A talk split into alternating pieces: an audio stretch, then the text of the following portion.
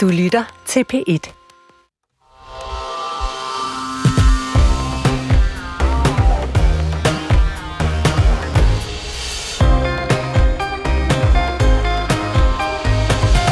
Først og fremmest godt nyt for klimaet, at vi udleder mindre CO2, så det synes jeg, vi alle sammen vi skal glæde os over. Sådan lød det fra øh, klimaminister Lars Ågård, da han for øh, få dage siden kunne præsentere, at Danmark, ret overraskende har lyst til at sige, også lidt ud af det blå, rent faktisk har øh, nået vores klimamål for øh, 2025. Vi er simpelthen i mål. Semja Narve, klimaordfører for øh, Radikale Venstre. Synes du, det var en god nyhed, vi kom med der?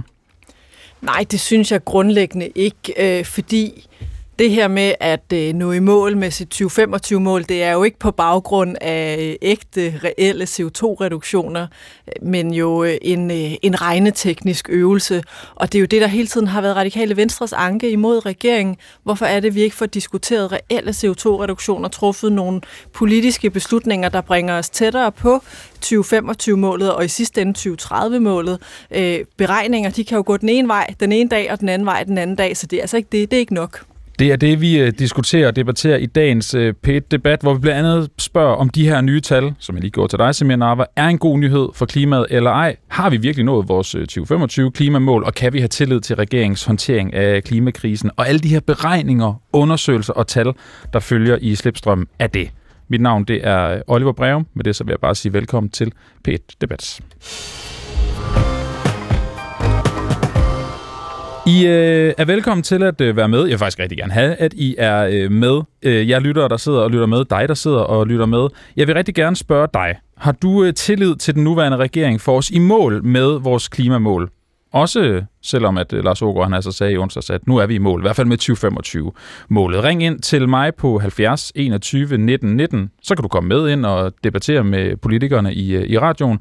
Du kan også sende en sms, det er næsten lige så godt. I skriver øh, pæt i en besked, laver mellemrum, og så ellers bare din besked afsted. Nå, nu vil jeg gerne i gang, og det vil jeg gerne ved at præsentere en af dagens gæster, som er dig, Stig Marker. Velkommen til. Tak skal du have. Jeg har skrevet professor ved Aarhus Universitet. Du kan selv lige få lov til at fortælle, hvad det er, du er professor i. Jamen, jeg er professor i havmiljø og det, man kalder biogeokemi øh, på Aarhus Universitet, Institut for Ecoscience. Og biogeokemi, det er, hvordan øh, stofferne cirkulerer på jorden, det vil sige også for eksempel kulstof i landskabet. Du øh, lyder som den rette til at have med til den her debat. Og Stig, øh, du ved godt det her, det ved øh, panelet i dag også. Jeg har hørt dig med igen, fordi du ligesom er debattens ekspert i dag.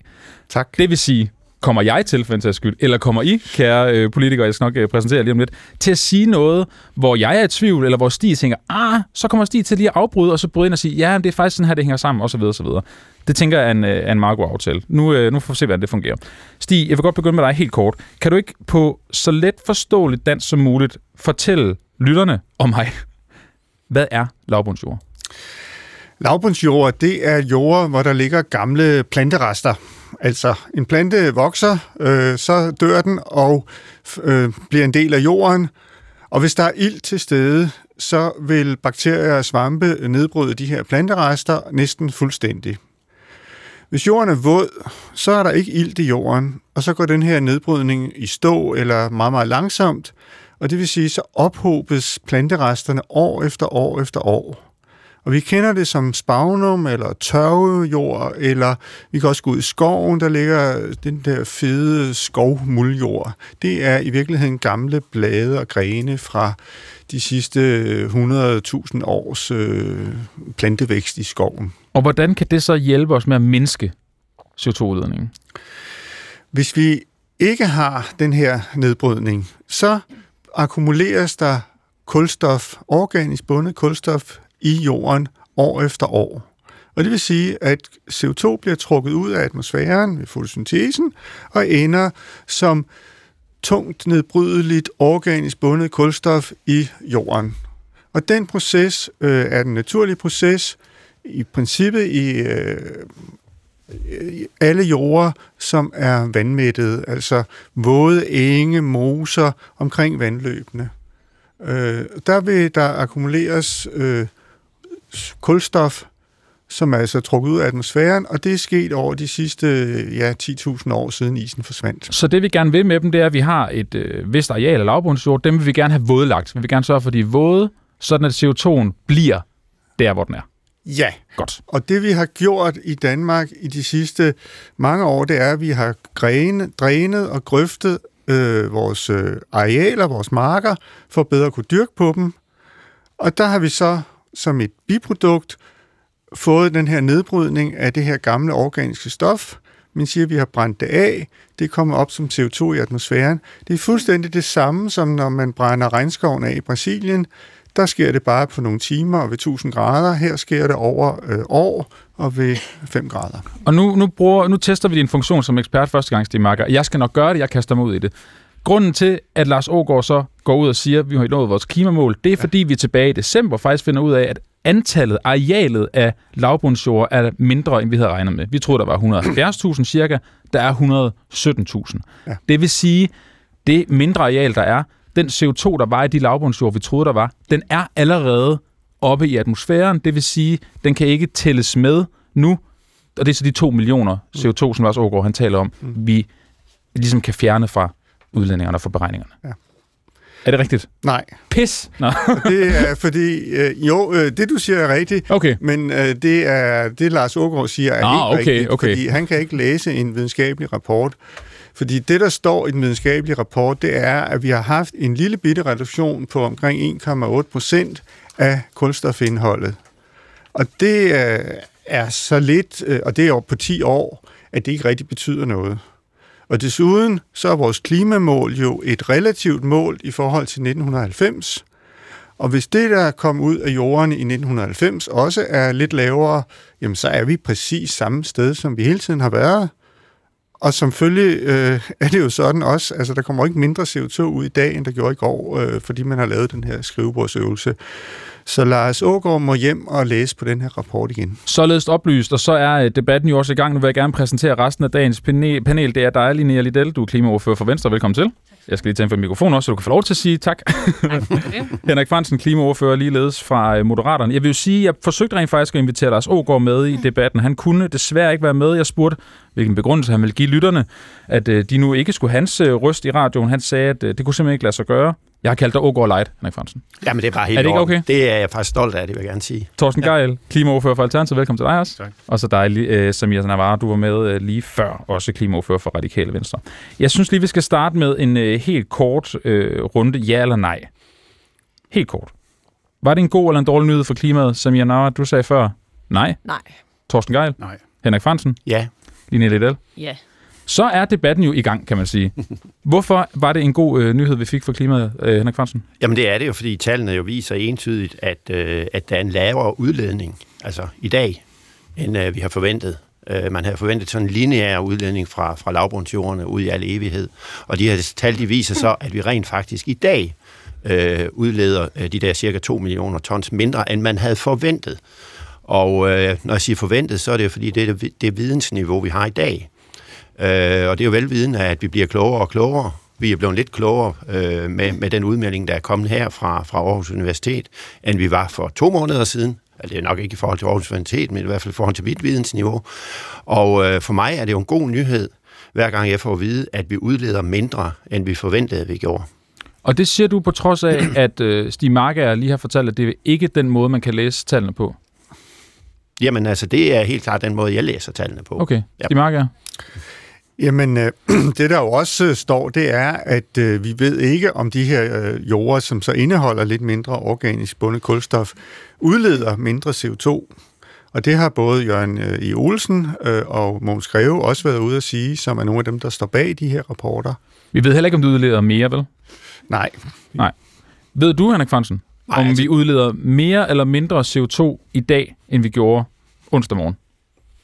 Nej, det kan jeg jo ikke vide som almindelig lægemand. øh, Men om- derfor så siger du, Men det var en øh, god nyhed for øh, klimaet alligevel. Ja, fordi øh, jeg er jo øh, jeg er politiker, og jeg tager jo sådan et, øh, et, øh, et resultat af en øh, rapport, som er lavet af de fremmeste øh, forskere i Danmark. Det tager jeg egentlig for gode varer, når den kommer.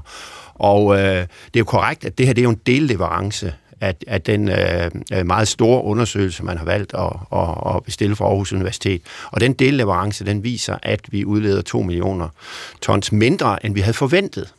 Og øh, det kan jo godt være, at der kommer nye tal om et år øh, igen. Jeg ved, at man begynder at, man er ved at beregne på, hvor meget er der forskel på de øh, enkelte lavbundsjord, nogen der leverer mere, og nogen der leverer mindre. Øh, og så må vi jo tage det ind til den tid, tænker jeg. Det er også sådan, indtil for to måneder siden, hvor vi ikke havde den her øh, rapport, der havde vi jo et, et andet vidensniveau, vi har i dag, og der var vi jo ikke bange for at sige, ud fra det, der mangler vi vi sagde i regeringen 500.000 tons, øh, Klimarådet sagde 2 millioner tons, og der var diskussion om, omkring det ene og det andet. Men, øh, men den her rapport viser i min verden entydigt, at øh, der er 2 millioner tons mindre i dag. Så helt kort. Eksperterne, der har lavet rapporten, og som også ved noget om det her generelt, der kommenterer på det, de siger, at man kan ikke sige, at vi udleder mindre. Det var ikke en god nyhed for klimaet. Vi ved ikke præcis, hvor meget CO2 de her lavbundsjord udleder endnu. Og vi ved heller ikke, om vi rent faktisk udleder mindre CO2 i dag, end vi gjorde onsdag morgen. Men alligevel, nej, bare helt kort, alligevel så siger du, det var en god nyhed, det lader os over komme med onsdag eftermiddag. Ja, det fastholder jeg helt Godt. Thorsten Geil, du synes ikke, det var en god nyhed. Hvorfor? Jamen, der gik tre timer, så øh, hørte man fra de videnskabsfolk på Aarhus Universitet, som Niels Aargaard byggede sine udtalelser på, at det kunne man ikke. Øh, de rapporter var ikke færdige, det var et halvt datasæt. Øh, og de sagde direkte, at han skulle tage pas på. Og det er jo lidt uheldigt, at en minister kommer ud med så gode nyheder, så går der tre timer, så er det dem, han baserer den på. De siger, at han skal tage pas på. Så, så det er ret svært at finde ud af, hvad der er op og ned i den her sag, og det er komplekse udregninger. Og det er også derfor, vi har kaldt øh, ministeren i samråd, for at forklare det her ordentligt. Og også for at forklare øh, og, og svare på den generelle kritik, der er af, af regeringens øh, klimaberegninger, fordi det er jo ikke første gang, der er kritik af dem. Stig Marker, jeg skal lige forstå, er der ikke en pointe i, at fordi der er færre lavbundsjord, end vi havde regnet med, så er der mindre CO2 i de lavbundsjord, som vi kan passe på eller holde nede, end der var før. Så det vil sige, at i regnskabet nu, så er der mindre CO2. Faktisk ikke, fordi det, der står i den der rapport, det er, at der er færre hektar. Men, men det er, fordi man har lavet sådan en fjollet klassifikation om, at hvis det indeholder mere end 12 procent øh, organisk bundet kulstof, så kalder man det tørvejord, og mellem 6 og 12, så kalder man det lavbundsjord, og under 6, så kalder man det slet ikke en ting.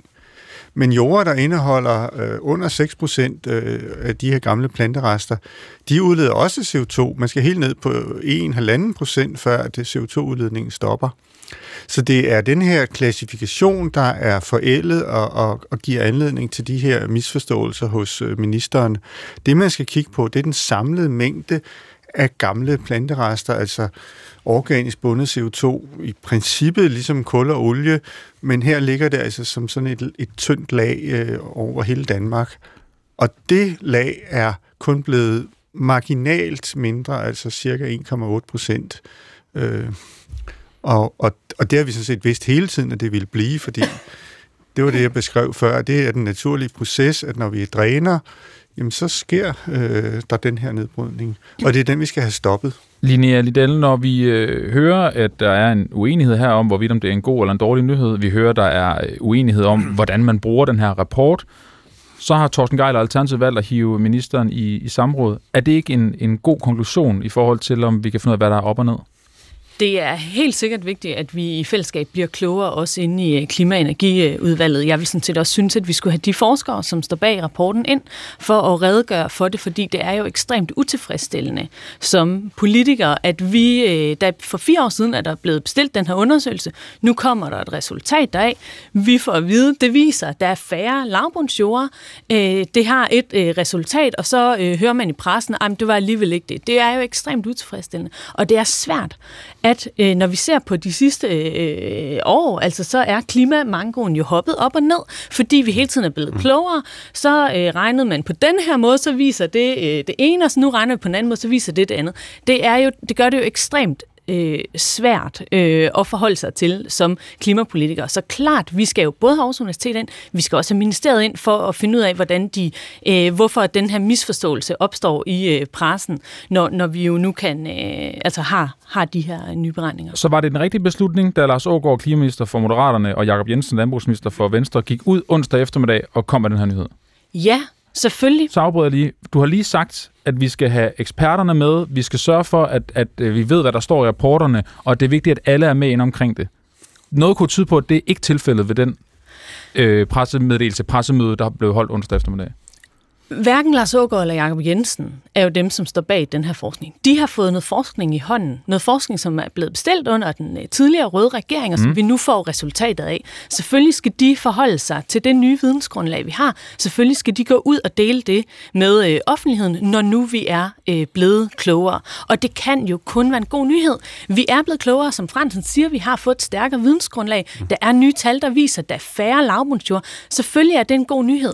Det ændrer jo ikke en bjælle ved, at vi skal er i gang med at øh, skulle omstille hele vores samfund, og vi skal have skabt den omstilling ude i den virkelige verden. Men, men selvfølgelig er det en god nyhed, at der er færre lavbundsjord, end vi havde regnet med. Er det her en rapport, som øh, man som politiker får i hånden, og så tænker man, den her skal vi bare ud med, eller foregår der et arbejde med at tale med eksperterne inden? Har du nogen viden omkring det?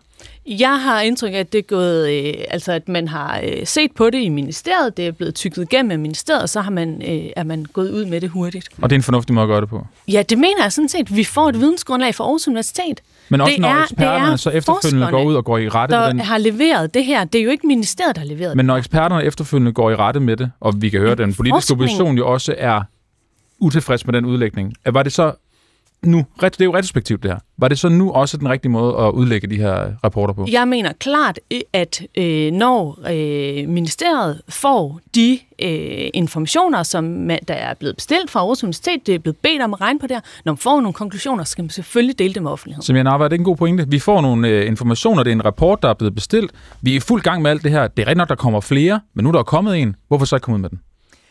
Jamen altså, vi kan godt tale proces her, og der synes jeg jo, det er super skørt som øh, en øh, politiker, der er en del af klimaudvalget, en del af en forligskreds, at jeg skal kigge på et pressemøde for at høre regeringens udlægning af en rapport. Det er jo ikke sådan, så vi blev orienteret som øvrige politikere på forhånd. Vi fik først en teknisk gennemgang dagen derpå, øh, og det vil sige, den besked, vi nåede at få til en start, og som vi nåede at skulle forholde os til, jamen det var regeringens fortolkning, og derfor så har jeg jo også selv været ude i min egen første kommentar at sige, det er da en god nyhed, mm. fordi jeg tager for gode varer, at øh, når regeringen tolker på det her, så må det være, fordi det er den rette tolkning. Og så går der, som Torsten Geil siger, et par timer, så kommer eksperterne på banen og siger, hov, hov, kære regering, det var måske lige en stram nok tolkning af, af vores rapport. Og jeg vil også se altså, til det her med, at øh, nu er der pågået et arbejde, og så ligger der et resultat. Nej, der ligger en delleverance, og det her arbejde, det skal jo fortsætte. Mm-hmm. Og, og, og derfor så er det jo vigtigt, at vi som politikere står sammen om at få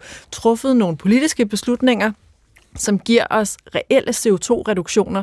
For uanset om regnestykket så går lidt i plus eller lidt i minus øh, den ene eller den anden dag, så kan vi stå med CO2-reduktioner i hånden og rent faktisk have leveret på det, som regeringen jo selv i sit regeringsgrundlag kalder vortids største udfordring. Hvorfor kalder du det her en delleverance?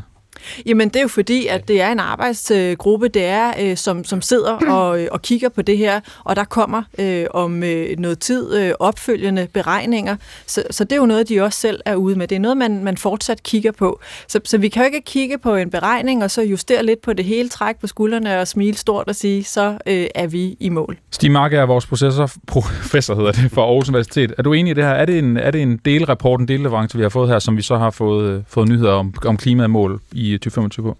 Ja, det er det, og det var Jørgen Julesen også ude at sige i øh, radioen i går, at ministeren skulle have ringet til ham først. Jeg tror, det var ordret det, han sagde, inden han var gået ud med den her nyhed. Fordi, Som mand, der står bag rapporten? Øh, han er i hvert fald øh, en, en institutleder på mm. det øh, institut, der har lavet rapporten, så vidt jeg ved. Og det, han er ude at sige, det er, at det næste, det er jo så, hvor meget udleder, hvor meget øh, CO2 udleder de jorder, som indeholder lidt mindre, altså som er gået fra over 12 til nu mellem 6 og 12, og kommer der også CO2 ud fra de jorder, der indeholder mindre end 6 procent. Øh, og, og, og det næste, der kommer, ikke næste snart, men om et år eller to, det er en omklassificering af de her jorder, hvor man går bort fra de der klasser og kigger på det organiske kulstofindhold. Men så, så, kan, så kan jeg sige, at vi kan jo også have en klimapolitik, hvor vi venter og venter og venter på, så kommer den ene rapport, så kommer den anden rapport. Der sidder også nogle øh, borgere derude, der gerne vil have noget viden om, hvordan går det, hvordan står det til. Er det ikke det rigtige at gøre, så gå ud og sige, nu den her rapport kommet, den siger det her, vi bliver klogere igen hele tiden. Ny viden er vel godt? Ny viden er altid godt. Det siger jeg gerne som forsker og universitetsansat. Men jeg synes også, I skal lytte til en af jeres kollegaer, Magnus Heunicke, som er øh, ansvarlig for, for miljøet her. Han har sagt, at vi må holde op med at tro, at vi kan regne på det her til sidste decimal, fordi det gør os handlingslammede, og det gør det i forhold til kvælstof og fosfor og biodiversitet og klima. Vi må simpelthen begynde at handle på den vidensgrundlag, vi har, fordi vores vidensgrundlag bliver hele tiden bedre, men hvis vi hele tiden siger, at vi, vi kan ikke gøre noget nu, fordi hvis vi nu får lidt mere viden, så kan vi gøre det lidt mere optimalt. Det er decimaler. I kan lige så godt sætte i gang med at tage de her landbrugsjord ud af driften. Apropos øh, decimaler, Thorsten Geil fra Alternativet, du har kaldt det her talfifleri. Det er en halvalvorlig anklage, vil jeg mene, når en minister står og, og bruger nogle tal og fortæller dem til hele landet. Jamen, jeg synes, det er noget fiksfakseri. Jeg synes, det er drøn uheldigt, at øh, de videnskabsmænd, som ministeren baserer sine beregninger på, tre timer efter kommer ud og sige, at, at det kan han ikke. Og jeg synes, at ordførende fra Moderater og Venstre bare skulle beklage det og sige, at det var for hurtigt. Ministeren gjorde regning uden vært. Lad os se at komme videre og så få lavet nogle, nogle reduktioner for at undgå det her en anden gang. Så synes vi, der skal laves et uafhængigt organ, som laver de her beregninger. Det kan være Klimarådet, for det sker jo gang på gang på gang, at de beregninger, der kommer fra Klimaministeriet, bliver kompromitteret af Concito, af Klimarådet. Og det er jo også sådan, det er jo ikke så smart, at dem, som har en kæmpe stor øh, fordel af, at beregningerne bliver på en bestemt måde, også er dem, der skal lave dem.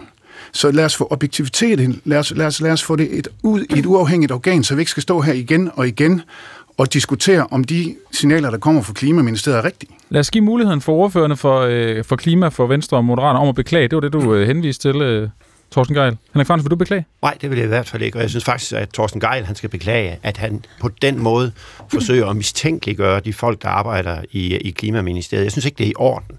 Øh, det er seriøse folk. Det er folk, der tager direkte de resultater, der kommer, og overfører dem til konkret politik, til udspil og så videre, ikke også? Og begynde at beklikke deres øh, i virkeligheden hederlighed. De skulle sidde og fifle nogle tal, med nogle tal, og sidde, hvis der kommer nogle tal, så gemmer vi dem. Dem vil vi ikke offentliggøre, men vi offentliggør de her, fordi de virker øh, positivt. Det synes jeg faktisk ikke er i orden, vil jeg gerne sige. Så vil jeg gerne spørge dig, Henrik Fransen, om øh, Mogens Greve, der er sektionsleder ved Institut for Agroøkologi på Aarhus Universitet, også skal beklage. Han sidder og arbejder med øh, kortlægning af lavbundsjord. Han siger således, ministeren kunne lige så godt have sagt, at Danmark har udledt mere CO2, end vi troede. I stedet siger han, at vi har nået vores klimamål, fordi der nu er færre lavbundsjord og dermed mindre CO2, der kan blive udledt. Det er fuldstændig galimatias og uvederhæftigt af ministeren. Det siger Mogens Greve, sektionsleder ved Institut for Agroøkologi på Aarhus Universitet. Skal han beklage? Jamen, jeg vil ikke, jeg vil ikke uh, gøre mig til dommer over, hvad en professor ved Aarhus Universitet skal, skal udtale. Men Thorsten Geil skal beklage. Men jeg er uh, kollega med Thorsten Geil. Jeg sidder i Folketinget.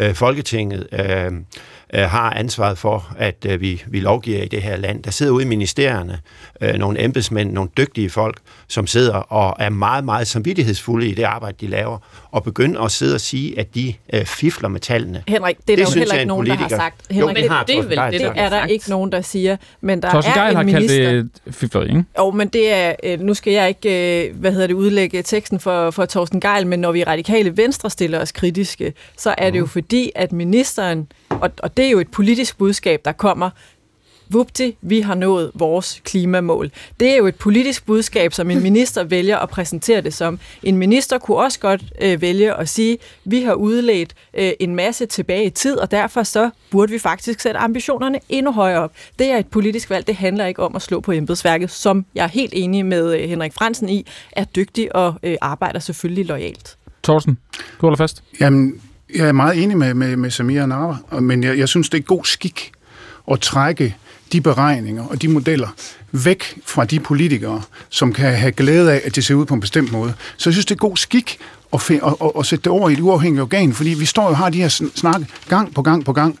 Øh, så, så, så nej, jeg vil ikke beklage. Jeg vil meget hellere foreslå, at, at vi får nogle uafhængige tal, nogle objektive tal i stedet for. Det lyder som om, du ikke har tillid til det, der kommer fra Klimaministeriet og Klimaministeren. Er det rigtigt? Jamen altså, se den her sag. Han går ud og siger, at vi har sparet 2 millioner ton, og tre, tre timer efter, så går de samme videnskabsmænd ud og siger, det kan du ikke læse ud af det her, vi er ikke færdige med beregningen, du skal tage pas på. Altså, Så- hvad skal, hvad skal jeg næsten sige? Ja eller nej, du har tillid til Klimaministeren? og Ikke den sag.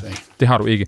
Så kan jeg godt øh, med det samme kaste den ud til øh, lytterne derude. Har du tillid til den nuværende regering og den klimapolitik, der bliver ført for at nå klimamålet? Ring ind til mig på 70 21 19 19, eller send sms 12 12, skriv på et lavt mellemrum, og så din besked.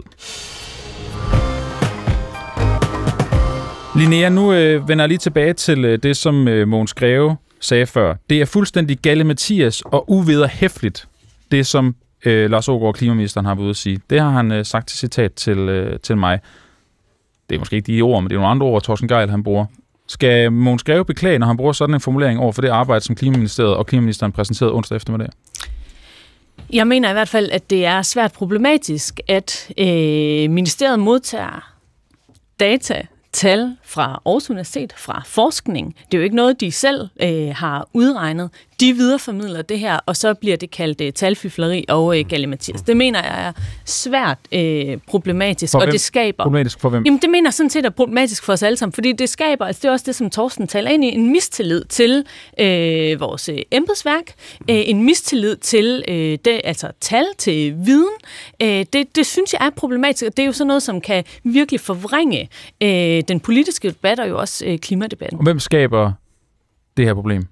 Det mener jeg er øh, blandt andet Thorsten Geil, når han kalder det øh, talfifleri, når øh, hvad hedder det, ministeriet videreformidler øh, data, de har fået fra Aarhus Er det Universitet. Mogens Greve også? Så kan man jo have en holdning, som Samir også siger, man kan jo have en holdning til, at regeringen burde gøre noget andet, mm. end det, som regeringen gør politisk, men at have en holdning til, eller øh, anklage ministeren for at fifle med tal, det synes jeg er langt ude. Mogens Greve, sektionsleder ved Institut for Agroøkologi ved Aarhus Universitet, og han er med til at skabe mistillid, når han kalder det Galmathias U. U. Men det, han hæftigt. kalder Galle Mathias, det er vel, at han synes, at øh, det er en postgang for tidligt, eller øh, nu har jeg ikke læst den artikel, Han du citerer siger, fra. ministeren kunne lige så godt have sagt, at Danmark har udledt mere CO2. Altså det er i forhold til, at han siger, at vi har nået klimamålet, og vi udleder mindre. Og det er vel fordi, at han gerne vil vente på den næste leverance fra Ja, han mener ikke, han, han, men- han mener ikke, det er korrekt.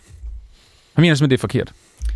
Jeg kan forholde mig til de tal, øh, vi øh, får præsenteret fra øh, ministeriet, som er, kommer jo direkte Men det er helt med på, men det er ikke det, jeg spørger om. Jeg spørger, synes du, at en ekspert som ham, der er jo flere, jeg har flere hernede på papiret, der går ud og udtaler sig kritisk omkring det, at eksperterne i det her, er de med til at skabe mistillid i forhold til, hvad vi skal tro på, og hvad vi ikke skal tro på?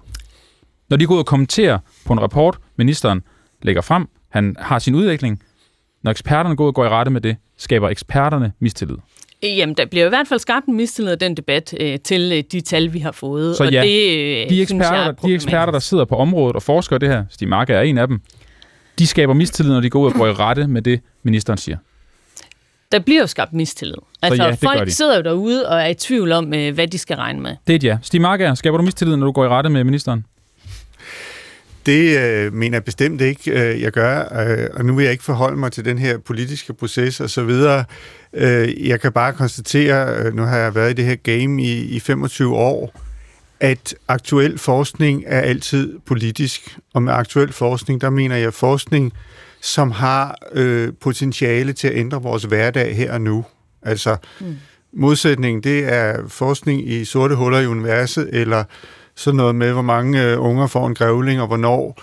Det har ikke den store effekt på danskernes hverdag, og derfor bliver det sjældent et politisk spørgsmål. Men når vi snakker CO2, klima, kvælstof, biodiversitet, eller for så vidt sundhed, noget andet, der har potentiale til, at I skal ind og lave politik her og nu og ændre danskernes hverdag, så bliver øh, forskerne også trukket ind i en politisk øh, manege. Og det må vi prøve at agere i øh, så godt vi kan. Og det synes jeg også, øh, mine kollegaer på Aarhus Universitet har gjort. Mm. Thorsten Geil, nu øh, kom der en pointe her med, at det skaber mistillid. Og man kan jo sige, at jeg er jo ikke politisk rådgiver. Det skal Gud vide, han har sagt. Men du kunne også have valgt en anden tone, nogle andre ord, stille og roligt have kaldt til et samråd, have taget den her diskussion på en anderledes måde, med en anden retorik, som måske ifølge Nidelle i hvert fald ikke ville have skabt mistillid omkring, hvad er op og ned. Jo, men nu er jeg åbenbart ikke den eneste, der skaber den mistillid. Det Nej, det gør du eksperterne også. Ja, men man, man, man, skal altid, man skal altid tænke på sin tone, det er fuldstændig rigtigt. En af grundene til, at vi er frustrerede, det er, at det jo ikke første gang. Altså, øh, Concito, Klimarådet, øh, kritiserer jo regeringens udregninger gang på gang. Øh, anonyme embedsfolk fra Energistyrelsen har problematiseret, at man lægger beregningen over i, i, i Klimaministeriet. Altså, det er jo gang på gang på gang, at vi Kan du nævne nogle af de gange, du nævner der? Det er bare det, er den, der siger gang på gang på gang. Jamen, øh, det er øh, konkret, at øh, Concito og, og, og Klimarådet rimelig for nylig har været ude og kritisere øh, regeringens beregning af mankoen, altså hvor meget er det, der egentlig skal spares.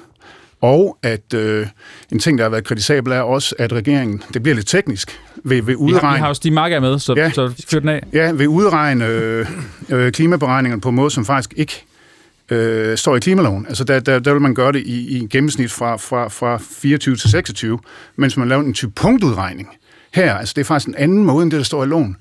Øh, og, og på den måde, så oplever vi faktisk gang på gang, at, at, at den en hverdag, der er fuldt med, vil nok i virkeligheden have hørt, at der er en kæmpe kritik af den måde, man beregner det her på. Og det fred med det.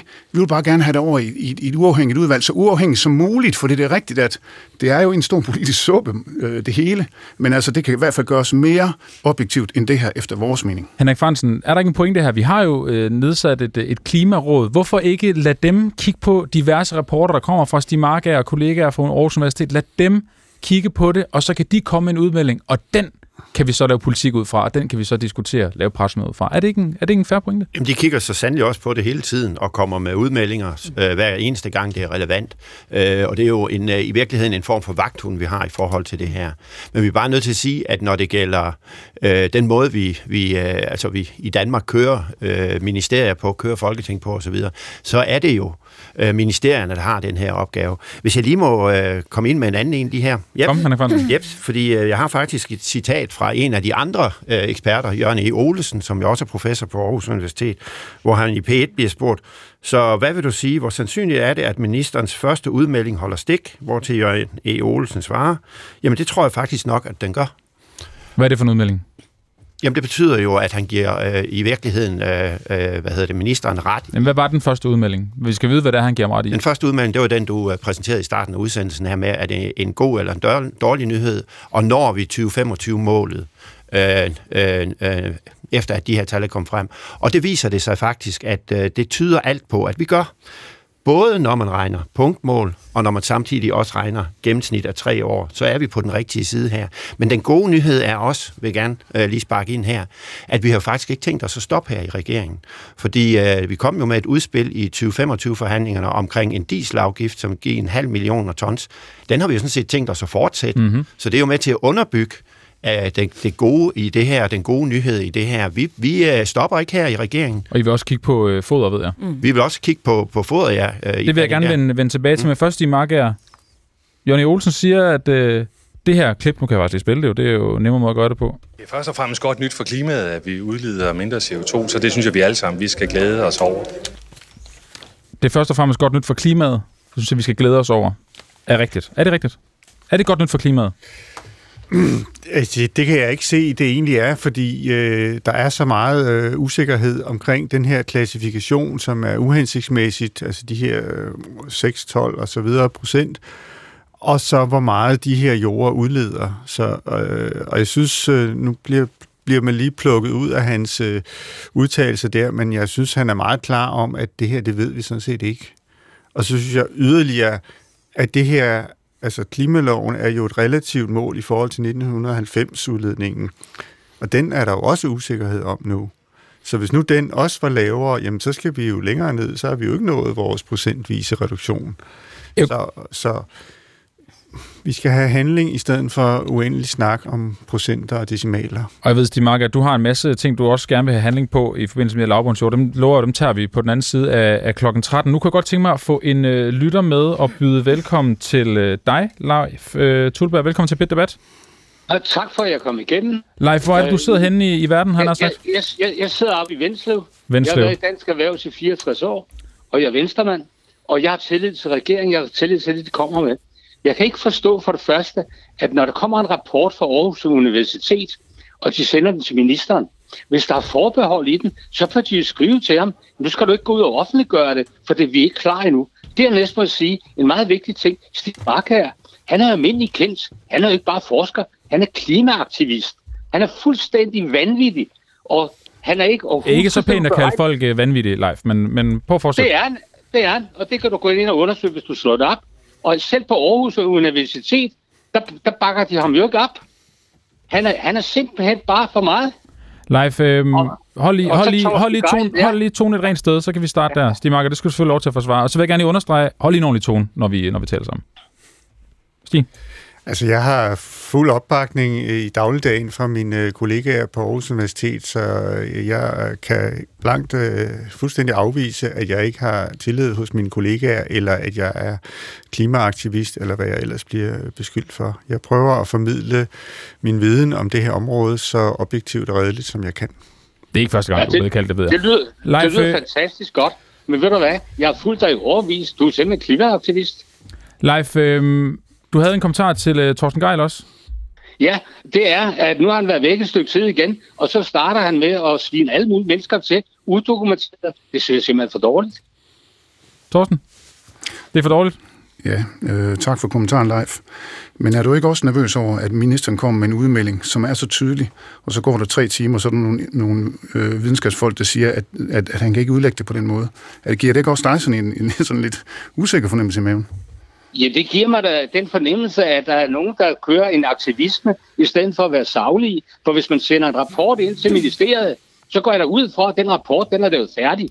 Og så går der ud fra, at man skriver de forbehold i den, som minister. Der har ikke hørt det eneste ord om. Der er nogen, der siger, at der er taget forbehold af nogen af helst art. Nu bruger man det bare i en aktivistisk form, så, og, og du er en af de værste. Du kaster det bare rundt og beskylder alle mulige mennesker for at manipulere. Du sidder og, og, og beskylder folk, embedsmænd, for at manipulere.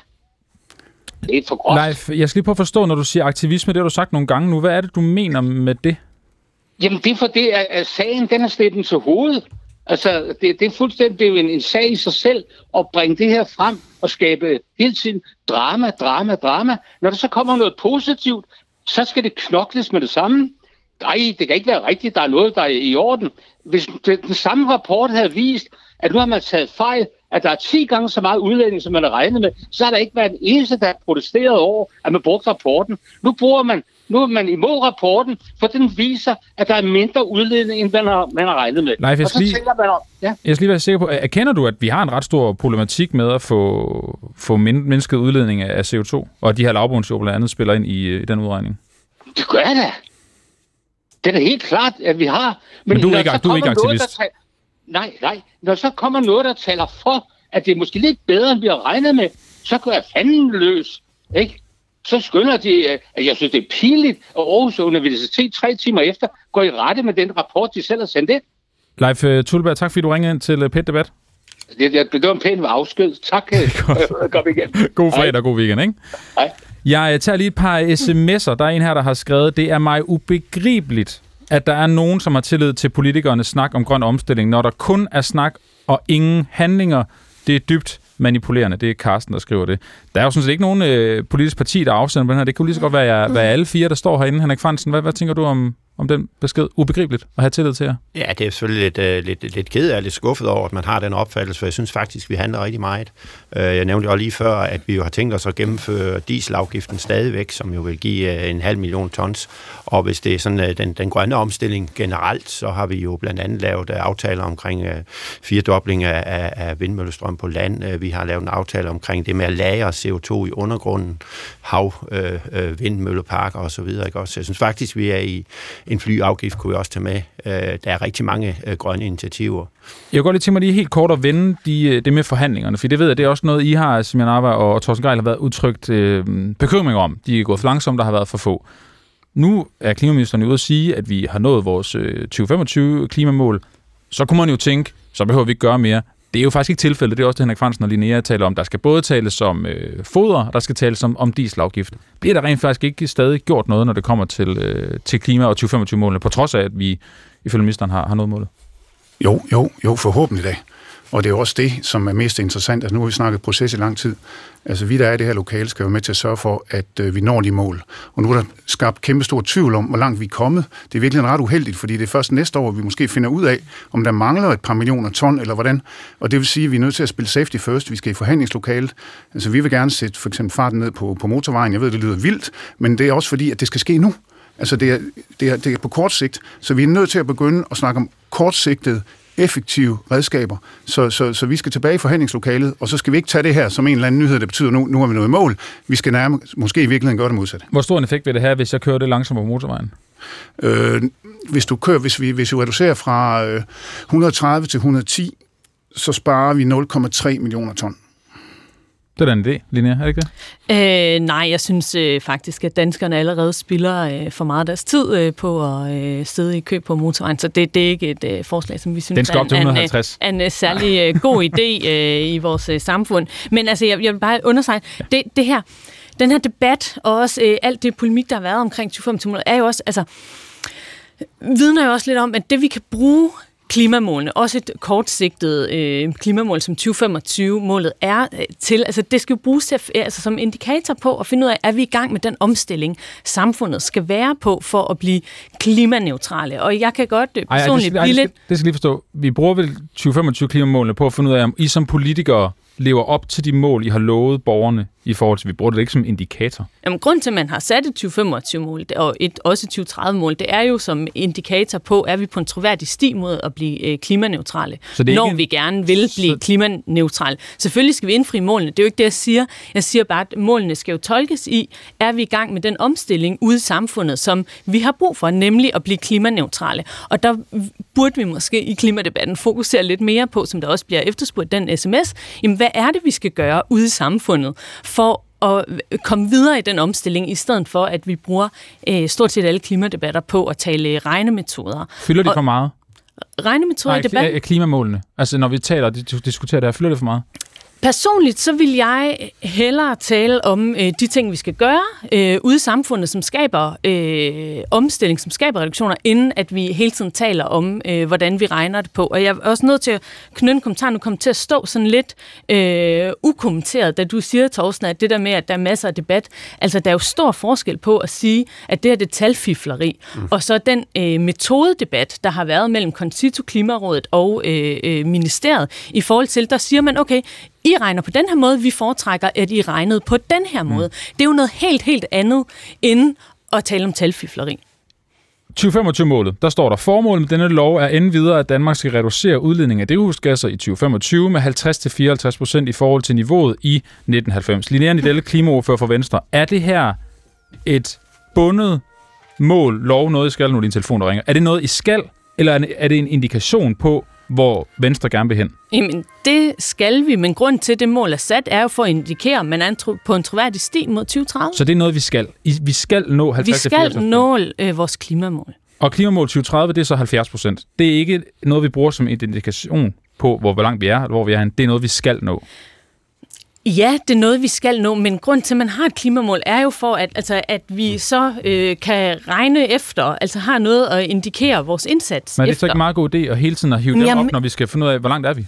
Jo, men honestly, jeg, jeg tror altså, danskerne hellere vil høre om, hvad er det, vi skal gøre ude i verden? Hvad er det for nogle rammer, vi skaber for vores grønne virksomheder? Hvor skal vi have vindmøller op?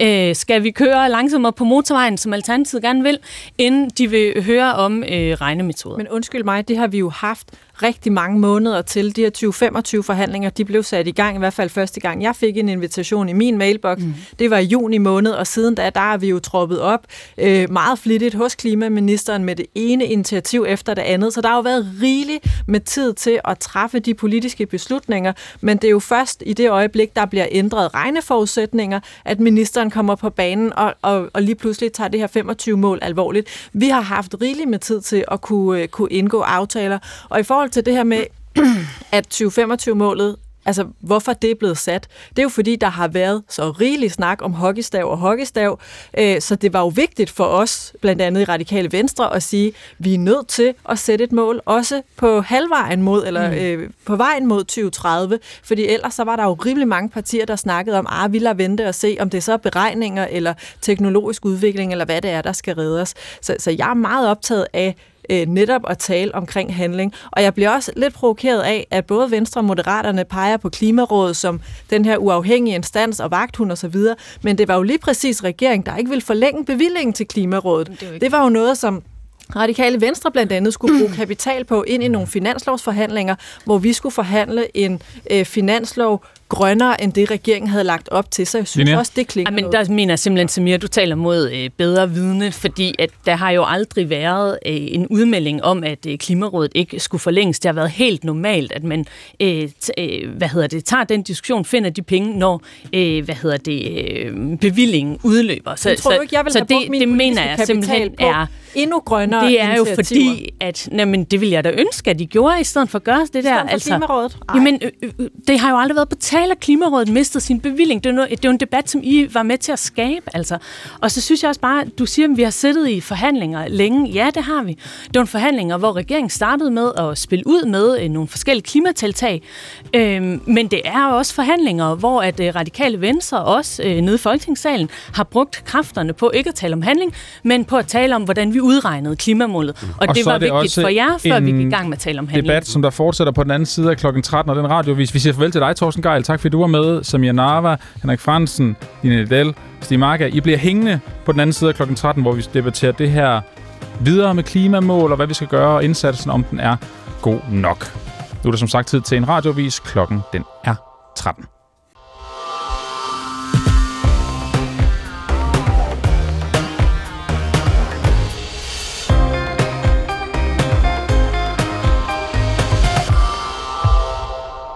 Jeg er jo ikke klimaforsker. Jeg er en beskeden politiker, mm. som forholder mig til, Men du at vi lytter har ikke lavet til de klimaforskere, må I jeg, har må, jeg gerne, må, jeg gerne, må jeg gerne få lov til at forklare? Det, Det her det du er tro. kompliceret stof, og derfor bliver jeg nødt til helt lavpraktisk at forklare, hvordan det her det forholder sig. Det forholder sig på den måde, at vi indgår en politisk aftale omkring, at vi skal lave en klimafremskrivning, det vil sige, at vi skal komme i mål med de klimaambitioner, som vi har, og vi har aftalt politisk i Folketinget. Den her lød det fra Jakob Jensen, landets landbrugsminister, i går i øh, Peter Orientering. Det er Anne-Christine Hermann, der, der lavede det interview, som vi også lige, øh, lige hørte af her. Jeg er ikke forsker, jeg er politiker. Det kommer ovenpå, at Lars Ågaard han i øh, onsdags sagde, at øh, vi har nået vores klimamål for 2025. Ret overraskende, lidt ud af det blå, så, øh, så er vi altså kommet dertil. Vi spørger i dag, om øh, det var en god eller en dårlig nyhed. Det har vi efterhånden debatteret rimelig godt. Nu øh, vil jeg gerne gå videre og tale om øh, den generelle klimahåndtering. Hvordan er det egentlig, det, det står til? Mit navn det er øh, Oliver Breum, og velkommen til sidste del af P1 Debats.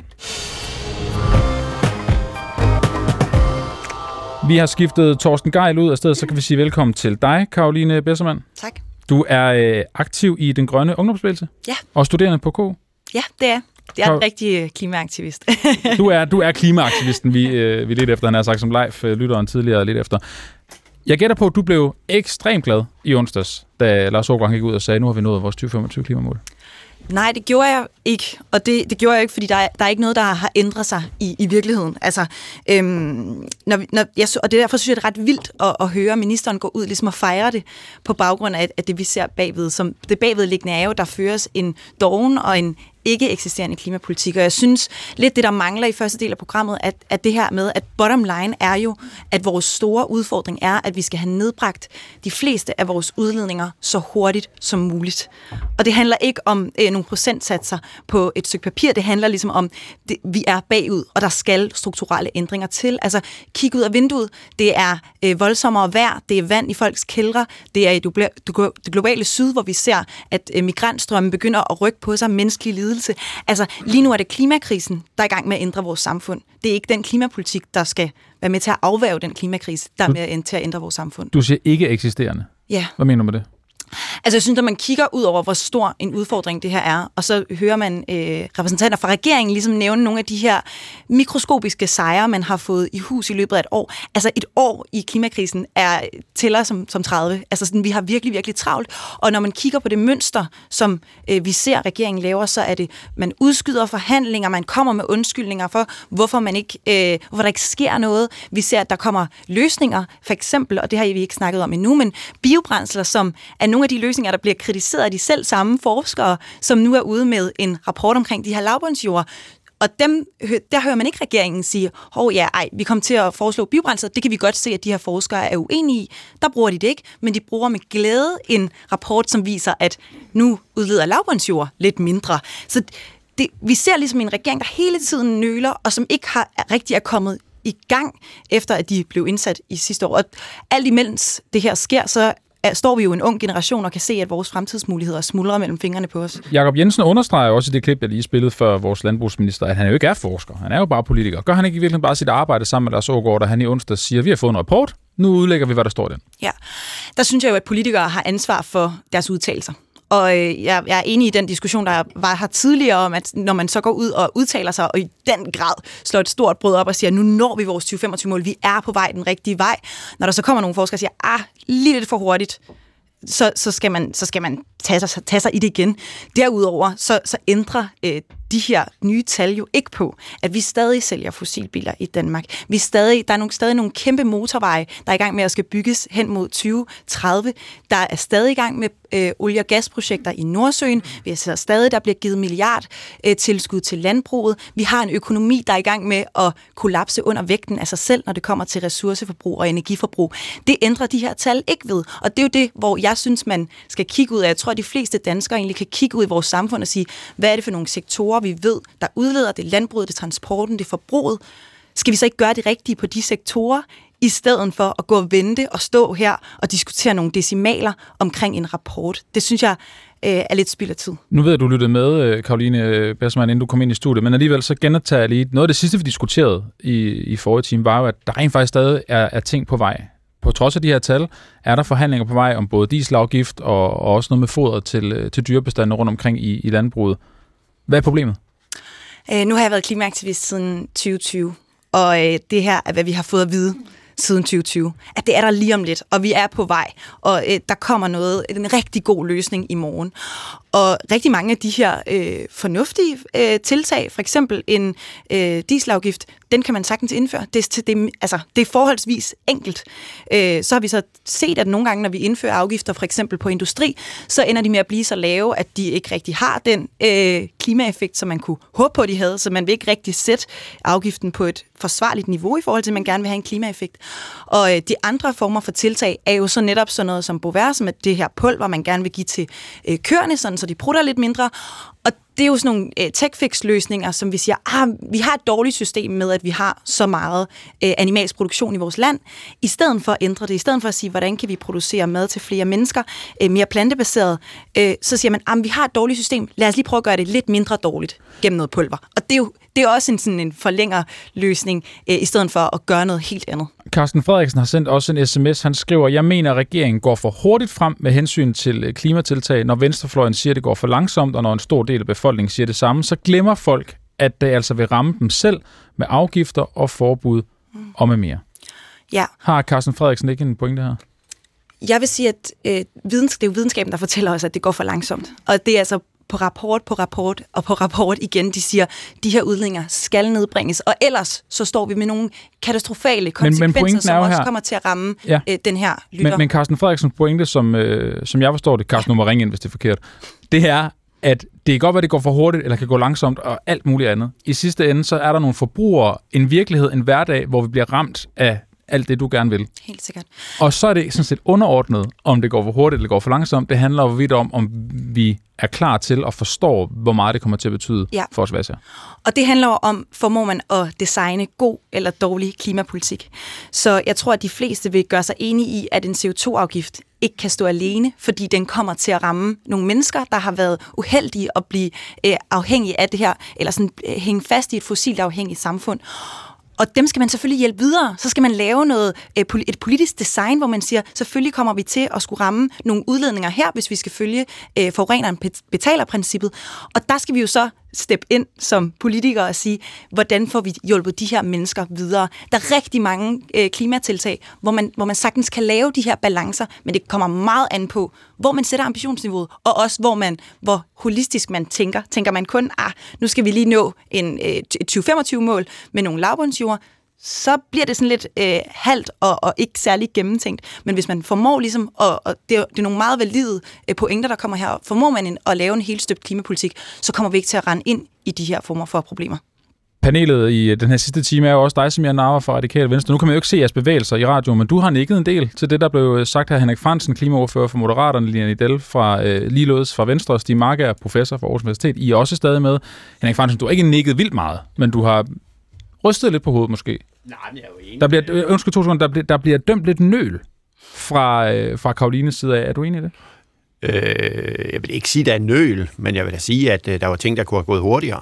Hvad kunne det være? Jeg vil gerne sige for eksempel øh, udbygningen af vedvarende energi. Øh, der var vi så uheldige, at øh, der var en ordning, den der hedder åben dør-ordning, det er også noget meget teknisk, som jo viste sig at være, ikke at være, være, være lovmedholdelig. Altså der var tale om ulovlig statsstøtte, den blev vi nødt til at lukke ned. Øh, og det kommer til at betyde en, en alvorlig forsinkelse af, af udrulningen af, af, af vedvarende energi på, på, på, på havet. Og det er selvfølgelig ærgerligt. Øh, Det er ikke noget, vi sådan selv har været herre over. Det er noget øh, statsstøtteretligt, noget, som er meget, meget teknisk osv. Ikke også? Så der er jo steder, hvor der er nøl. Øh, det har også taget lidt længere tid at gennemføre øh, CO2-afgiften på landbruget. Øh, ja, i min verden og i Moderaterne og i hele regeringen er vi jo ikke i tvivl om, at vi skal have en CO2-afgift på landbrugsproduktion. Og øh, jeg mener i hvert fald, at det skal vi have udrullet så hurtigt som overhovedet muligt. Både af hensyn til miljøet, men også af hensyn til de balancer, som Karoline snakker om, at vi skal jo gøre det på en måde, så, så, så vi også stadigvæk efter 20-30 år er et, er et landbrugsland, der producerer øh, rigtig gode fødevarer øh, og har respekt for de øh, landmænd, der er. Øh, og der er det i min verden vigtigt, at vi kommer i, i gang så hurtigt som muligt, fordi øh, jo længere tid man har til at indfase en så stor omvæltning, jo, jo bedre vil man kunne bevare de balancer der. Så, så ja, der skal ske en hel masse. Det er jeg sådan set meget, meget enig i. Og, og man kan selvfølgelig også sige, at vi har jo lavet de mål her, for at man jo i princippet har, der har man jo i princippet øh, i Folketinget besluttet ambitionsniveauet. Og der valgte vi jo, da vi øh, øh, lavede regeringsgrundlaget for lige godt et års tid siden, at fremskynde endemålet, som hedder 100% CO2-neutralitet fra 2050 til 2045. Så noget har man alligevel øh, gjort der. Stig Marker, Altså nu handler den her debat jo om øh, udledning af CO2 fra lavbundsjorder, og derfor synes jeg, vi skulle lidt, lidt vende tilbage til udgangspunktet og se på, hvordan vi bruger vores landskab. Fordi det er det, der er problemet her, det er, at vi bruger vores landskab på en uhensigtsmæssig måde. Vi har landbrug i dag, hvor det ikke er hensigtsmæssigt. Og det er i høj grad knyttet til dræning. Nu var der en lytter, der sagde, at vi skal passe på, at vi ikke går for hurtigt frem. Alt det oversvømmelser, vi har fra ferskvand i dag, en rigtig stor del af det skyldes dræning og grøftning. Så der er altså nogle rigtig mange mennesker i Danmark, der bliver ramt, øh, ikke i nakken, men omkring fødderne af vand, på grund af, at man ikke øh, gør noget. Og øh, vi har en anden dagsorden, der hedder noget med øh, kvælstof, der kommer ud i havmiljøet, og ildsvind og så videre. Og det er faktisk meget mere presserende. Altså, undskyld, men der har vi en juridisk bindende deadline i 2027, det er om fire år. Hvis I skal nå den som politikere, så er I nødt til at tage landbrugsjord ud af drift i en skala, der hedder måske 600.000 hektar eller to gange Fyns areal. Og heldigvis er det de samme jorder, som udleder CO2. Så vi behøver slet ikke den her debat om 6 og 12 procent osv., fordi jorden skal ud af drift alligevel. Den skal vådlægges. I er nødt til at sætte ind over for dræning og grøftning. Og om I så vil gøre det ved afgifter eller forbud eller et eller andet, det er den spændende politiske diskussion. Det er jeres halvdel. Men fra et videnskabeligt synspunkt, så er det nødvendigt, hvis man vil det, man har sagt, man vil politisk, både klima- og miljømæssigt. Og Stig Marker, for at binde øh, krøllen på det, vi begyndte udsendelsen med, så er det jo de her 117.000 hektar lavbundsjord, som der er, er tilbage, som vi skal, Hmm. ifølge din mening, have vådlagt så hurtigt som muligt, sådan at CO2'en bliver dernede, og ikke slipper ud, som det jo så skete, Hmm. og, øh, og som er det er også grundlaget for, at øh, Lars Ågaard nu øh, siger, at vi har nået vores klimamål. Linnea, er det Klima for Venstre. Hvad, øh, hvad tænker du om det, Stig Marker siger her? Jamen, jeg er sådan set enig i, at øh, vi skal have udtaget de øh, lavbundsjorder, og, og de nye tal ændrer jo ikke på den ambition, politiske ambition, som der allerede var, øh, og fokus på, at, øh, at vi skulle have taget de her lavbundsjorder øh, ud, og det tror jeg er, er egentlig mit indtryk, at det er, er, er der, er der bred, bred opbakning til. Og så vil jeg sige til Karoline, jeg forstår jo godt din øh, utålmodighed. Og jeg forstår også godt din frustration. Du har været klimaaktivist siden øh, 2020, siger du. Jeg har været klimaaktivist siden øh, 2009, hvor jeg, øh, jeg studerede klimaforandringerne på universitetet i øh, Maastricht. Og øh, det var også det, som fik mig til at gå ind i politik, øh, at jeg gerne ville være med til at løse den her øh, krise, vi øh, står i. Og jeg er sådan set enig i, at alt det, vi gør nu, det burde vi jo have gjort for 10 år siden. Men det ændrer ikke på, at det nu, det sker. Og, og så må vi jo glæde os over, dels at vi bliver klogere, vi får et bedre vidensgrundlag, og øh, kan, altså, øh, bliver klogere på, øh, hvad for nogle reelle udledninger vi har, men også, at der jo også sker en udvikling i samfundet. Jeg kommer, inden jeg kigger ind i det her radiostudie, der kommer direkte fra øh, nogle virksomheder på Nørrebro, som arbejder i at lave øh, biobaserede løsninger. Det er startups, det er kapitalfonde, som øh, fokuserer på at investere deres penge i de her virksomheder, som jo er nogle af de virksomheder, som kommer med øh, fremtidens løsninger, som netop siger, at vi har et produkt, som med fermentering af svampe kan erstatte kød, øh, og så videre inden for rigtig, rigtig mange øh, brancher. Og det er jo positivt, at vi er her nu, også selvom vi vil ønske, at vi var der for 10 år siden. Sådan som jeg hører det, Karoline øh, Bessermann og Stig Marker sagde før, så var det, at alt det, vi gør, ikke er noget, og ikke er nok. Du står så og siger, alt det, vi gør. Deres pointe var jo sådan set, at, at der ikke bliver gjort nok. Mm, Jamen, jeg mener sådan set, at vi gør øh, rigtig, rigtig øh, meget. Jeg Gør mener nok? også, at vi har øh, travlt. Jamen, vi Gør- kan, gør vi vi, nok? Kan, vi Gør vi kan nok? jo altid gøre mere. Så vi vi har jo også nok? et, et regeringsgrundlag, hvor der står en masse ting, og det er vi jo ikke øh, i nærheden af at øh, have fået igennem. Men vi har også haft et år, mm. øh, hvor den her regering har siddet, hvor vi har leveret øh, aftale efter aftale på øh, nogle ting, nogle, øh, som, som ligesom skulle øh, sættes øh, i søen. Altså, øh, sen, vi sluttede året med øh, energipakker øh, mm. på land, rammerne mm. på det. Vi har været forbi øh, CO2-læring, øh, vi, sat vi, gang i... Linnea, vi, kan, vi kan nævne en masse ting. Jo, Jeg men- spørger jamen, lige- det er jo for jeg kan den godt høre handling, du siger. Du som bliver efterspurgt. Du siger alt det, vi gør. Karoline og Stigs pointe er, det vi gør er ikke nok. Så spørger jeg dig, gør vi nok? Det vi gør lige nu, er det nok? Ja eller nej? Jamen, vi skal jo gøre mere. Selvfølgelig skal vi gøre mere. Så- og det er så jo nej, derfor, vent, at vi vent, ikke er så blevet jeg arbejdsløse som klimapolitikere. Så vi gør ikke nok. Jeg synes, den her regering har gjort ekstremt meget, og det synes jeg godt, vi kan være tilfredse med. Har de gjort men nok? det ændrer jo ikke på... Ja, jeg synes, regeringen har gjort nok, Regeringen men det gjort nok. ændrer jo ikke noget Karoline, er det på, at vi skal videre. Altså, det er jo også en kendskærning, at hastigheden på grøn lovgivning er gået ned, efter den nye regering er, er trådt til. Og altså, man skal også øh, lige sige, nu bliver der snakket meget om sådan, åh, men det er, nogle, det er som om, det er nogle eksterne ting, der gør, at regeringen ikke kan føre øh, grøn politik og klimapolitik. Men regeringen finder jo også på sine egne benspænd. Altså, øh, for det første, så når vi taler om de her øh, landbrugsforhandlinger, der skal komme med, med en CO2-afgift, så har man givet den ekspertgruppe, der faktisk var ved at være færdig med deres resultater, de fik lige pludselig, da der kom en ny regering, ekstra ting, de skulle begynde at regne på. Så begynder de at være færdige, så siger man, ej, nu finder vi på en grøn trepart. De skal sidde et halvt år og blive enige om, hvad de så kan anbefale. Og, og så, be, så begynder vi, altså efter at vi har kendt til ideen om en CO2-afgift, efter at partierne er begyndt at blive enige om, det er en god idé, så venter vi stadig år og år og år på, at den kommer. Og det er så der, hvor man kan rende ind i det problem, at man rent faktisk først får indført en CO2-afgift, når det er så sent, at den kommer til at skulle være så høj, hvis den skal have en effekt, at den kommer til at støde befolkningen og øh, land, landmændene fra sig, øh, fordi man ikke får gjort tingene øh, rettidigt. Og jeg, jeg er enig i, at der er nogle sociale bevægelser, der er nogle virksomheder, der er nogle øh, bevægelser i befolkningen, som er langt foran politikerne. Men det er jo politikerne, der mangler.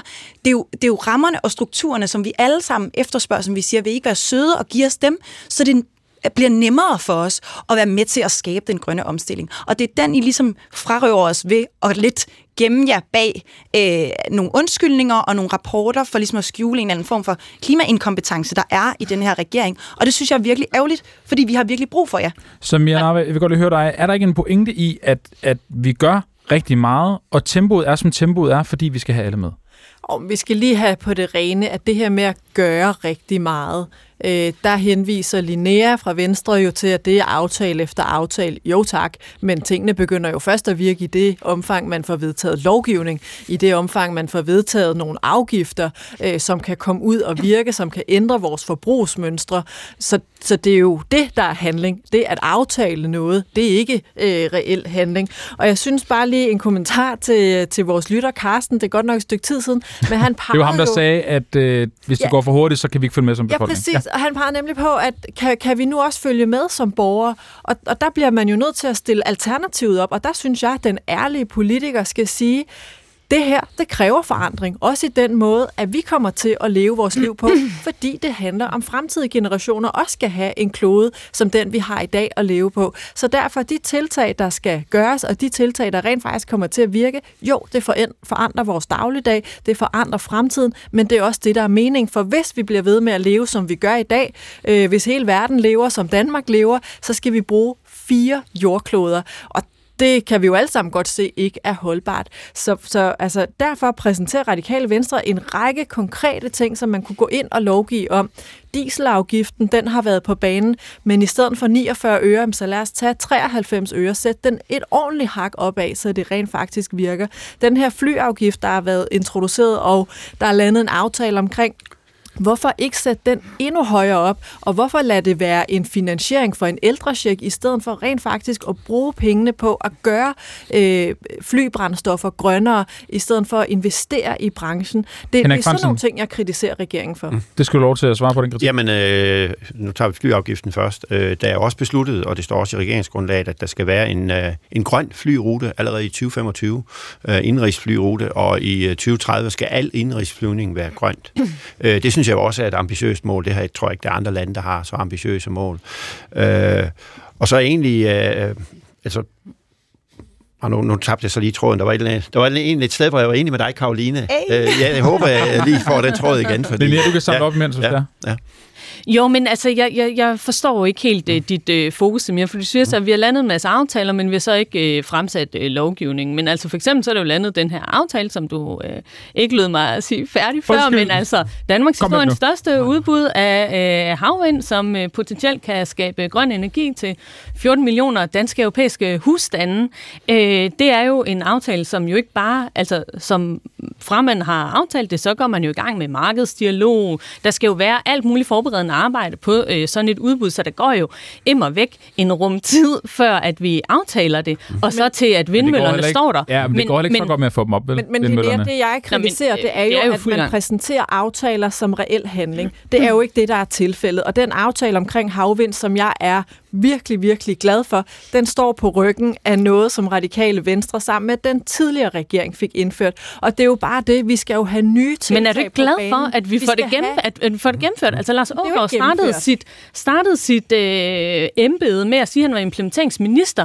Vi har haft Om en regering øh, med øh, socialdemokrater i, øh, øh, altså øh, et rødt, øh, en, hvad hedder det, øh, røde støttepartier, som har indgået en masse aftaler, og nu er begynder de så at skulle udmyndtes. Det er da godt, at vi ikke bare laver nogle nye aftaler, men vi arbejder videre på det, øh, som det Folketinget har vedtaget. det er jo præcis min pointe. I stedet for at blive ved med at lave nye aftaler, så lad os da komme i gang med, med tingene. Altså en, en reduceret øh, kvælstofnorm, eller som Karoline var inde på, øh, hvorfor skal øh, CO2-afgift på landbruget, hvorfor skal det i øh, grøn trepart? Hvorfor kan vi politikere ikke sætte os ned og handle på det, som ekspertgruppen Arbejdsgruppen øh, kommer med. Hvad med en snak om road pricing? Altså ting, der også peger ind imod 2030 og en anden måde at leve på. Henrik Fransen, du kom i tanke om det? Jamen det gjorde jeg nemlig, Godt fordi øh, Karoline var inde på, at øh, befolkningen er egentlig længere fremme, end vi er som politikere. Mm. Og det er jo rigtigt, det er de på, på, på nogle områder. Vi kan jo tage et eksempel som øh, elbiler det går jo vanvittigt øh, hurtigt med at få, få elbiler sat på gaden. Og det er jo også, fordi der er skabt nogle rammer, der gør det selvfølgelig med noget, noget, noget afgift og så videre. Vi har også et erhvervsliv, som øh, på mange områder jo er foran det, som vi, øh, det ambitionsniveau, vi har haft som øh, politikere. Og det, der tænker jeg jo egentlig som, øh, som, som øh, sådan en, en, en, en, en lidt markedsøkonom også, at det er jo fantastisk, at øh, vi, vi lever jo ikke i et vakuum som politikere. Vi har faktisk øh, en befolkning, vi har et erhvervsliv, som også vil det her. Og så synes jeg jo, i stedet for at, at klandre politikerne for, at de sover, så i, i stedet for glæde os over, at uh, der sker faktisk uh, rigtig mange andre ting, end det, som vi nødvendigvis har en politiker, der, der skal beslutte. Mm-hmm. Uh, altså erhvervslivet har jo egen fri ret. Uh, der ved godt, der er lavet nogle rammevilkår, der gør, at når man skal finansiere osv., så, videre, så skal man også gøre redde for sit, uh, sit uh, klimaaftryk osv. Men, men at glæde os over det, at uh, der faktisk, vi kan gøre noget som politikere, men borgerne kan også gøre noget selv, og erhvervslivet gør noget selv for tiden. Jeg vil gerne lige et smut til Randers og sige hej til øh, dig, Leif. Velkommen til Pit Debat. Goddag, hej. Leif, øh, du øh, vil gerne øh, tale omkring det her med, ja, med tilliden, som jeg spurgte om. Man har også en kommentar til klimahandling generelt. Vil du ikke, øh, vil du ikke bare komme med Jamen, jeg synes, jo, øh, jeg synes jo personligt, det der mangler i den her behandling, eller i, i det her folk snakker om, det er jo, at danskerne vil gerne, men der mangler guldråd. Det eneste, de snakker om generelt, det er jo altid det erhvervslivet, men for at vi kan løfte det her, så er det jo danskerne, der skal ud. Og nu arbejder jeg selv som tømmer til daglig. Øh, når du snakker med by, øh, typehusfirmaer, der er ikke nogen danskere, der tænker i at få solceller på, eller bruge regnvand til at skylle ud, eller vaske tøj i, fordi det kan rent og sær ikke økonomisk betale sig at bruge den investering.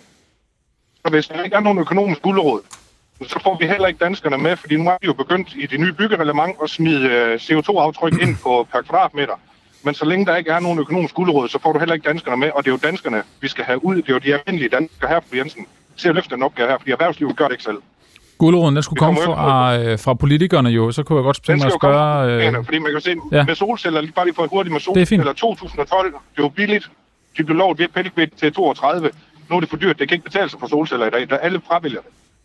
Seminar, var der ikke en pointe her, at der måske politisk er mere øh, fokus på pisken frem for guldråden, når det kommer til klimahandling? Ja, mere fokus på gulderåden. Ja, der, Øh. der er for lidt fokus på guldråden og mere fokus på pisken. Det er jeg sådan set helt enig i, og det er også derfor, at vi Radikale Venstre øh, her senest i finanslovsforhandlingerne blandt andet gerne vil introducere et øh, fradrag for øh, reparationer. Øh, det er måske i den lidt mindre klinge end det, som vores lytter her øh, peger på, men lige præcis det her med, med gulderåden, øh, det er en vigtig faktor, fordi jeg har også den oplevelse, at borgere og virksomheder derude vil det faktisk rigtig gerne.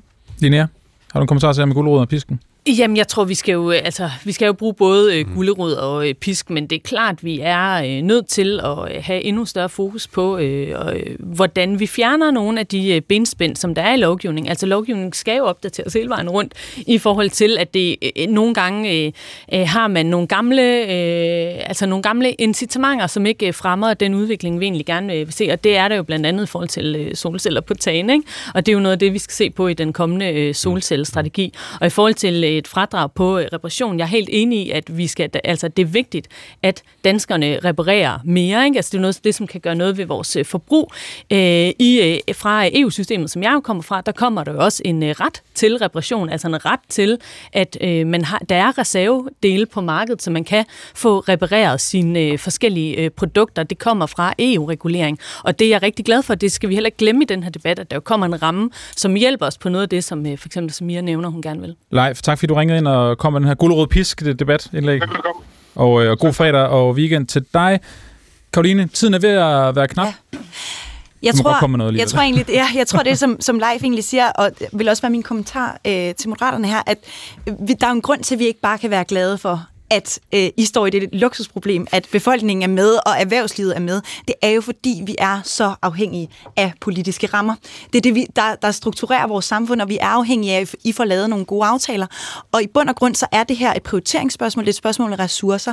Og så længe regeringen prioriterer carbon capture and storage, nogle tech-fix-løsninger langt ud i fremtiden, eller fodertilsætning til, til kør, eller øh, biobrændsler, så får vi ikke fokus på de løsninger, som er blevet talt om her nu, som jeg også hører at dem, i rent faktisk nævner. Så hvis vi begynder at kigge på det, der rent faktisk har en effekt, der virker, der kan få øh, befolkninger og øh, befolkningen og erhvervslivet til at formå at leve inden for de planetære grænser, så når vi et sted, men vi når der simpelthen ikke derhen, uden øh, den politiske handling, som, som det kræver. Vi kunne blive ved meget længere. Jeg er sikker på, at det ikke er sidste gang, vi diskuterer klima i pet debat. Vi skal til at runde af. Jeg vil godt slutte af med øh, noget, vi måske alle sammen kan blive enige om her i studiet. Fordi i forbindelse med Lars Ågaards udtalelse om øh, det her med, at vi har nået 2025 klimanået, så har han også sagt, at det nemlig er entydigt godt og positivt med ny viden. Og jeg tænker, det er måske det eneste, vi kan blive enige om i det her studie, det er, at ny viden er godt. Yeah. Tak til jer, der var med, som Jan Arver fra Radikale Venstre, Henrik Fransen, Moderaterne, Lina Lidelle Venstre, Karina Bessermann, aktiv i den grønne områdsvægelse, Stig Markær, professor, Thorsten Geil var også med. Mit navn er Oliver Breum. Nu er det tid til øh, noget andet her på Pet. Klokken er 13.30. Gå på opdagelse i alle DR's podcast og radioprogrammer. I appen DR Lyd.